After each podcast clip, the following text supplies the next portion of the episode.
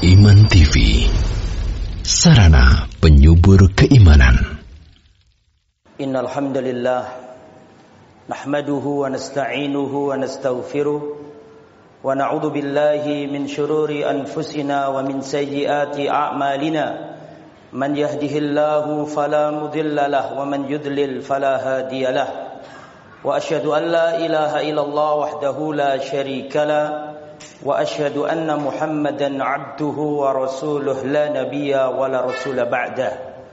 اللهم صل وسلم وبارك على نبينا وحبيبنا محمد وعلى آله وصحبه ومن سار على نهجه إلى يوم الدين. يا أيها الذين آمنوا اتقوا الله حق تقاته ولا تموتن إلا وأنتم مسلمون. يا أيها الناس اتقوا ربكم الذي خلقكم من نفس واحدة وخلق منها زوجها وبث منهما رجالا كثيرا ونساء. واتقوا الله الذي تساءلون به والأرحام. إن الله كان عليكم رقيبا. يا أيها الذين آمنوا اتقوا الله وقولوا قولا سديدا. يا أيها الذين آمنوا اتقوا الله وقولوا قولا سديدا. يصلح لكم أعمالكم ويغفر لكم ذنوبكم ومن يطع الله ورسوله فقد فاز فوزا عظيما أما بعد Ikhwatal iman kaum muslimin yang dirahmati oleh Allah Subhanahu wa taala. Alhamdulillah kita bersyukur kepada Allah. Allah masih meringankan langkah kaki kita, mempermudah jalan kita sehingga pada siang hari ini kita bisa bernaung di salah satu rumah di antara rumah-rumah Allah Subhanahu wa taala. Allah Subhanahu wa taala berfirman mengundang kita dan memanggil kita dalam surat Al-Jumuah. Ya ayyuhalladzina amanu idza nudiya lis-salati min yaumil jumu'ati fas'au ila dzikrillahi wa darul ba'i.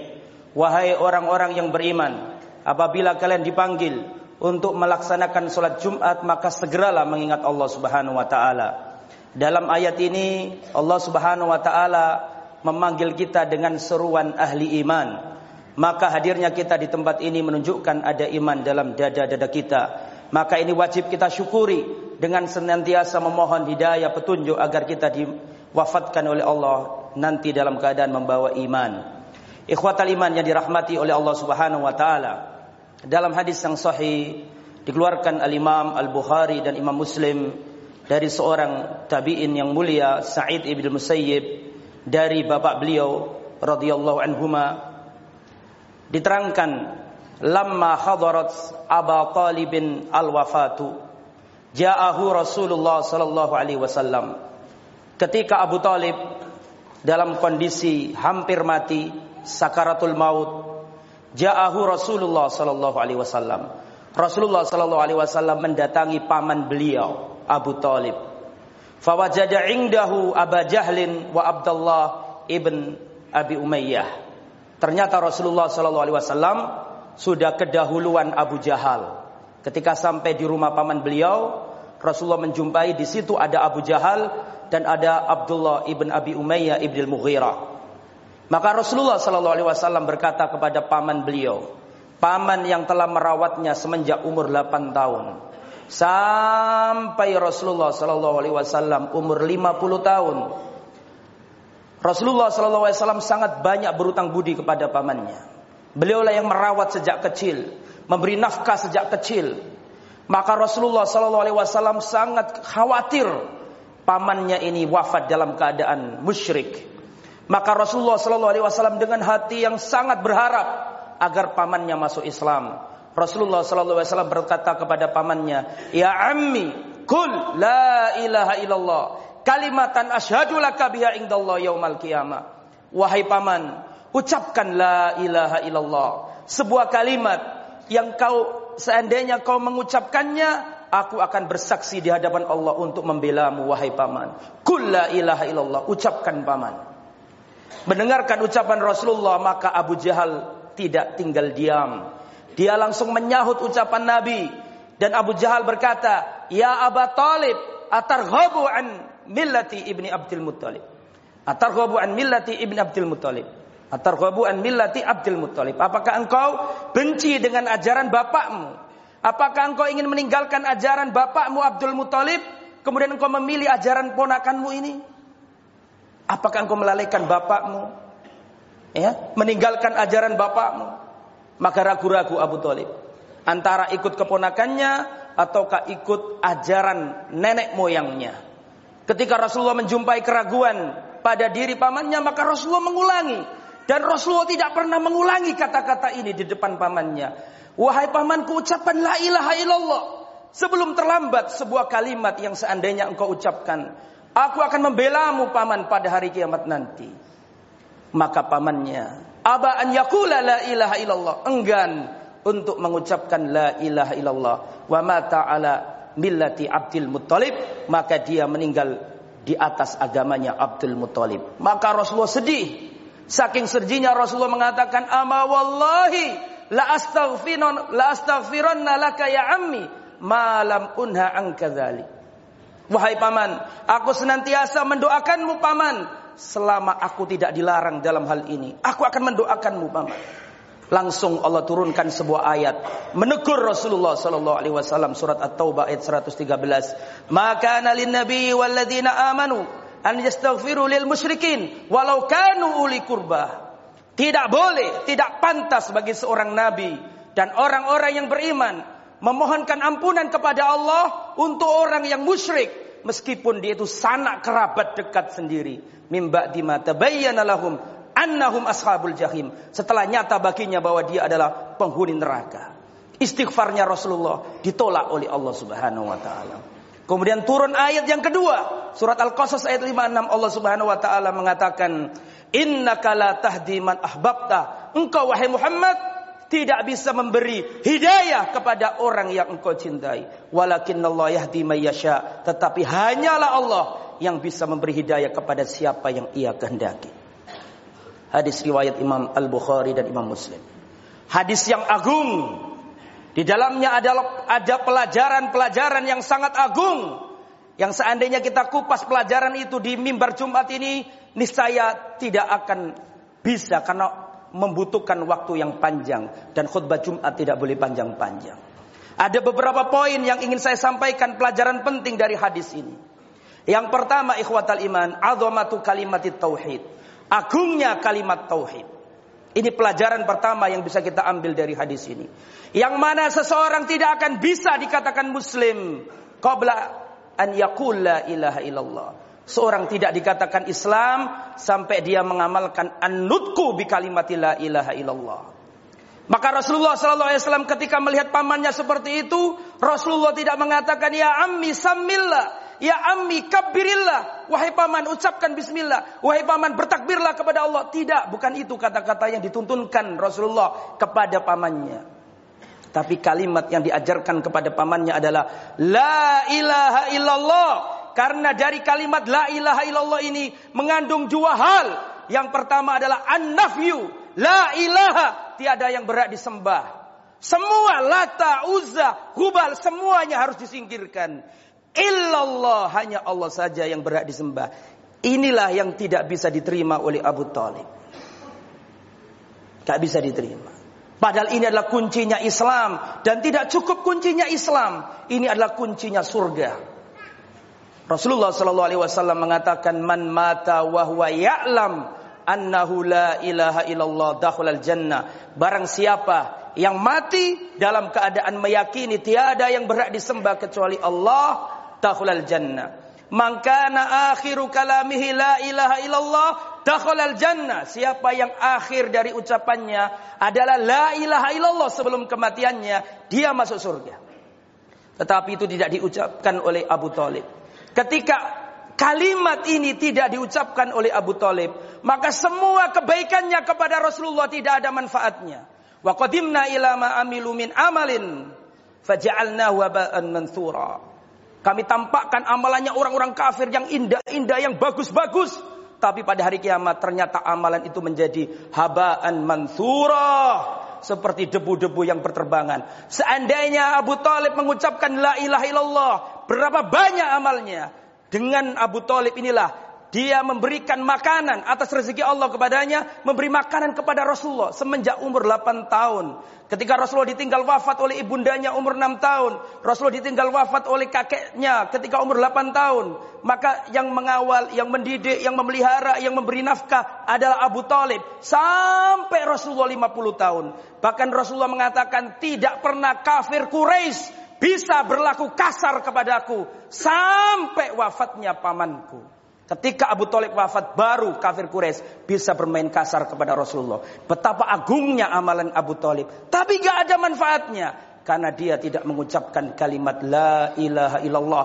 Inilah yang Allah firmankan dalam surat Az-Zumar ayat 65. La in asyrakta la amaluka. Seandainya kamu melakukan kesyirikan, hancurlah, terhapuslah amalanmu. Adakah amalan melebihi amalan seseorang yang memberi nafkah kepada Nabi? Yang mana dengan makanan yang diberikan kepada Nabi itu, Nabi ini bisa mendakwakan Islam? Adakah amalan melebihi penjagaan seseorang kepada seorang Nabi untuk mendakwakan Islam? Amalan yang sangat luar biasa, tapi nggak ada manfaatnya. Karena orang ini menyekutukan Allah Subhanahu wa taala. Maka dari itulah para jamaah, saya mengingatkan diri saya pribadi dan juga jamaah sekalian. Peganglah tauhid, jangan pernah Anda pergi ke tempat yang dianggap keramat selain tempat-tempat yang disyariatkan Rasulullah sallallahu alaihi wasallam. Jangan mendatangi dukun, jangan pasang jimat, jangan merasa sial, jangan pergi ke dukun, jangan pergi ke tukang sihir, jangan memakai tawasul-tawasul yang tidak disyariatkan oleh Islam. Karena kalau ini lepas dari kita, layah batonna amaluka, hancurlah amalan kita. Naudzubillah min dalik. Ini adalah pelajaran pertama. Pelajaran yang kedua adalah khuturatut ta'assub bil aba bahayanya bertaasub dengan ajaran nenek moyang. Kalau kita lihat sejarah, perhatikan ya jamaah. Allah Subhanahu wa taala lebih memilih Salman Al-Farisi dari negeri Persia yang berbeda kulturnya, berbeda bahasanya, berbeda rasnya, tetapi Allah memilih Salman Al-Farisi yang bermil-mil-mil dari kota Madinah. Tetapi Allah tidak memilih Abu Talib yang mana paman Nabi melihat akhlaknya Nabi, melihat mukjizatnya Nabi, melihat Al-Quran dibacakan. Abu Talib mendengarkan Al-Quran bukan dari orang lain. Abu Talib mendengarkan Al-Quran langsung dari lisan yang mulia Rasulullah Sallallahu Alaihi Wasallam. Yang kalau baca Al-Quran yang paling bagus bacaannya, tidak mampu untuk menembus hatinya Abu Talib masuk Islam. Karena apa? Karena Abu Talib taasub dengan nenek moyangnya. Salman Al-Farisi ketika ditanya, "Man anta? Siapa engkau wahai Salman?" Maka Salman dengan bangganya mengatakan, "Anak ibnul Islam. Aku ini anaknya oh, anak Islam." Menisbatkan dirinya kepada agama yang mulia ini. Tapi Abu Talib ketika ditanya, "Man anta?" Anak Abu Talib, ibn Abdul Muttalib, ibn Hashim, ibn Abdi Manaf, bin bin bin Quraisy disebutkan semuanya. Hafal Makanya Allah tidak memilih Abu Talib. Tapi Allah memilih Salman Al-Farisi. Padahal satu rumah. Hidup bersama Rasulullah Wasallam. Karena karena ta'assub atau fanatik buta dengan ajaran nenek moyang. Wa idza qila lahum ittabi'u ma qalu bal nattabi'u ma alfaina alai aba'ana. Apabila dikatakan kepada mereka, ayo kita ikuti Al-Quran, ayo kita ikuti sunnah. Maka orang-orang kafir itu mengatakan cukuplah kami temui ini dari bapak dan nenek moyang kami. Maka hendaklah kita jangan ta'asub fanatik buta kepada ajaran Islam. Ukuran benar apa salah diukur dari dalil yang sahih bukan dari ajaran nenek moyang. Aku lu qauli hadza wa astaghfirullahaladzim innahu wal ghafurur rahim.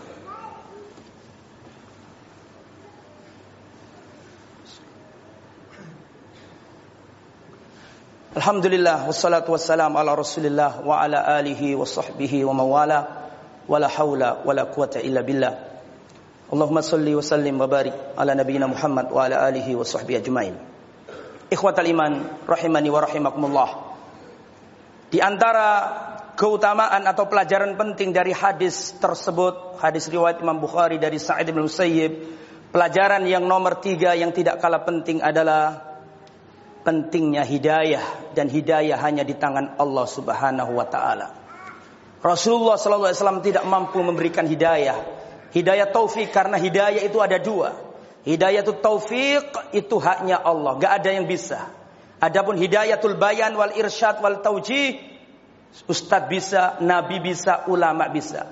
Adapun hidayah taufik hanya milik Allah Subhanahu wa taala. Rasulullah sallallahu alaihi wasallam ya tidak sanggup mengantarkan hidayah kepada pamannya. Pamannya nggak bisa masuk Islam. Padahal itu sejak kecil didakwai Nabi, nggak bisa. Mahalnya hidayah. Begitu mahalnya hidayah sampai nggak ada harganya. Karena kalau seandainya hidayah itu ada harganya, maka terlalu murah harganya. Maka nggak ada harganya. Saking mahalnya sampai nggak ada harganya. Saking mahalnya hidayah. Sampai-sampai orang Islam minimal tidak boleh kurang. Tidak boleh kurang. Kalau kurang pasti berdosa. Kaum muslimin siang dan malam minimal 17 kali wajib minta hidayah kepada Allah subhanahu wa ta'ala. Saking pentingnya hidayah. Sampai-sampai ayat permohonan hidayah ini Allah jadikan rukunnya solat. Seandainya ada orang ketika solat gak minta hidayah, batal solatnya. Karena dalam surat Al-Fatihah itu ada ayat yang kita disuruh minta hidayah kepada Allah. Ihdinas suratul mustaqim. Ya Allah tunjukkanlah jalan Tunjukkanlah kepada kami jalan yang lurus. Dan itu wajib dibaca 17 kali. Gak boleh kurang. Kurang batal sholatnya. Karena dia di dalam Al-Fatihah. Dan Al-Fatihah seandainya tanpa ayat ini akan batal. Karena Al-Fatihah adalah rukunnya sholat. Maka sholat tanpa Al-Fatihah. Maka sholatnya batal. Harus meminta hidayah. Maka jangan sampai hidayah ini lepas dari diri kita. Maka ikhwatal iman. Mungkin kita sudah sering mendengarkan ceramah, mungkin sering kita mendengarkan kajian Islam. Lalu bagaimana dengan anak-anak kita? Bagaimana dengan menantu kita? Bagaimana dengan ibu kita? Di antara hal penting yang belum saya sebutkan adalah keuta, apa nama pelajaran penting dari hadis ini adalah ahammiyatu dakwatil aqarib, pentingnya mendakwai keluarga. Dan itu dilakukan Rasulullah sallallahu alaihi wasallam. Rasul sangat eman, sangat menyayangkan pamannya nggak bisa masuk Islam. Dan orang yang paling berhak mendapatkan petunjuk dari kita sebelum orang lain adalah keluarga kita. Maka kita lihat kanan kiri kita. Kita lihat istri kita. Apakah sudah pakai jilbab setiap harinya. Kita lihat putri kita. Apakah keluar rumah sudah memakai jilbab. Kita lihat anak laki-laki kita. Apakah sudah melaksanakan sholat lima waktu. Jangan sampai hidayah ini lepas dari rumah tangga kita. Harus kita pegang terus. Dan di antara pelajaran penting juga dari hadis ini adalah al-kuf innal kufra sesungguhnya kekafiran itu tidak bisa menghilangkan kekerabatan. Sesungguhnya kekafiran itu tidak bisa membatalkan kekerabatan. Meskipun Abu Talib itu kafir, tetapi Rasulullah SAW mendatangi dan mengatakan, Ya ammi, wahai pamanku. Karena kekafiran tidak bisa menghilangkan kekerabatan. Rasulullah tidak mengatakan, wahai Abu Talib. Tidak. Tapi Rasulullah mengatakan, Ya ammi wahai pamanku. Itu dalil bahwa kita tetap menyambung silaturahim kepada saudara kita. Meskipun kafir. Apalagi yang tidak kafir. Maka silaturahim harus dijunjung tinggi karena itu termasuk perintah Allah subhanahu wa ta'ala. Mudah-mudahan apa yang saya sampaikan bermanfaat. Allahumma firlil muslimina wal muslimat. Wal mu'minina wal mu'minat. Al ahya minhum wal anwat. Rabbana ighfir lana dhunubana wa israfana fi amrina wa thabbit aqdamana wansurna 'alal qaumil kafirin. ربنا ظلمنا أنفسنا وإن لم تغفر لنا وترحمنا لنكونن من الخاسرين. ربنا اغفر لنا ذنوبنا وإسرافنا في أمرنا وثبت أقدامنا وانصرنا على القوم الكافرين. ربنا هب لنا من أزواجنا وذرياتنا قرة أعين واجعلنا للمتقين إماما. اللهم نسألك علما نافعا ورزقا طيبا وعملا متقبلا. اللهم إننا نعوذ بك من علم لا ينفع ومن قلب لا يخشى ومن نفس لا تسبع ومن دعوة لا يستجاب لها. اللهم أعز الإسلام والمسلمين وأذل الشرك والمشركين. أعداءك أعداء الدين. ربنا آتنا في الدنيا حسنة وفي الآخرة حسنة وقنا عذاب النار. وصلى الله على نبينا محمد وعلى آله وصحبه أجمعين. وآخر دعوانا أن الحمد لله رب العالمين.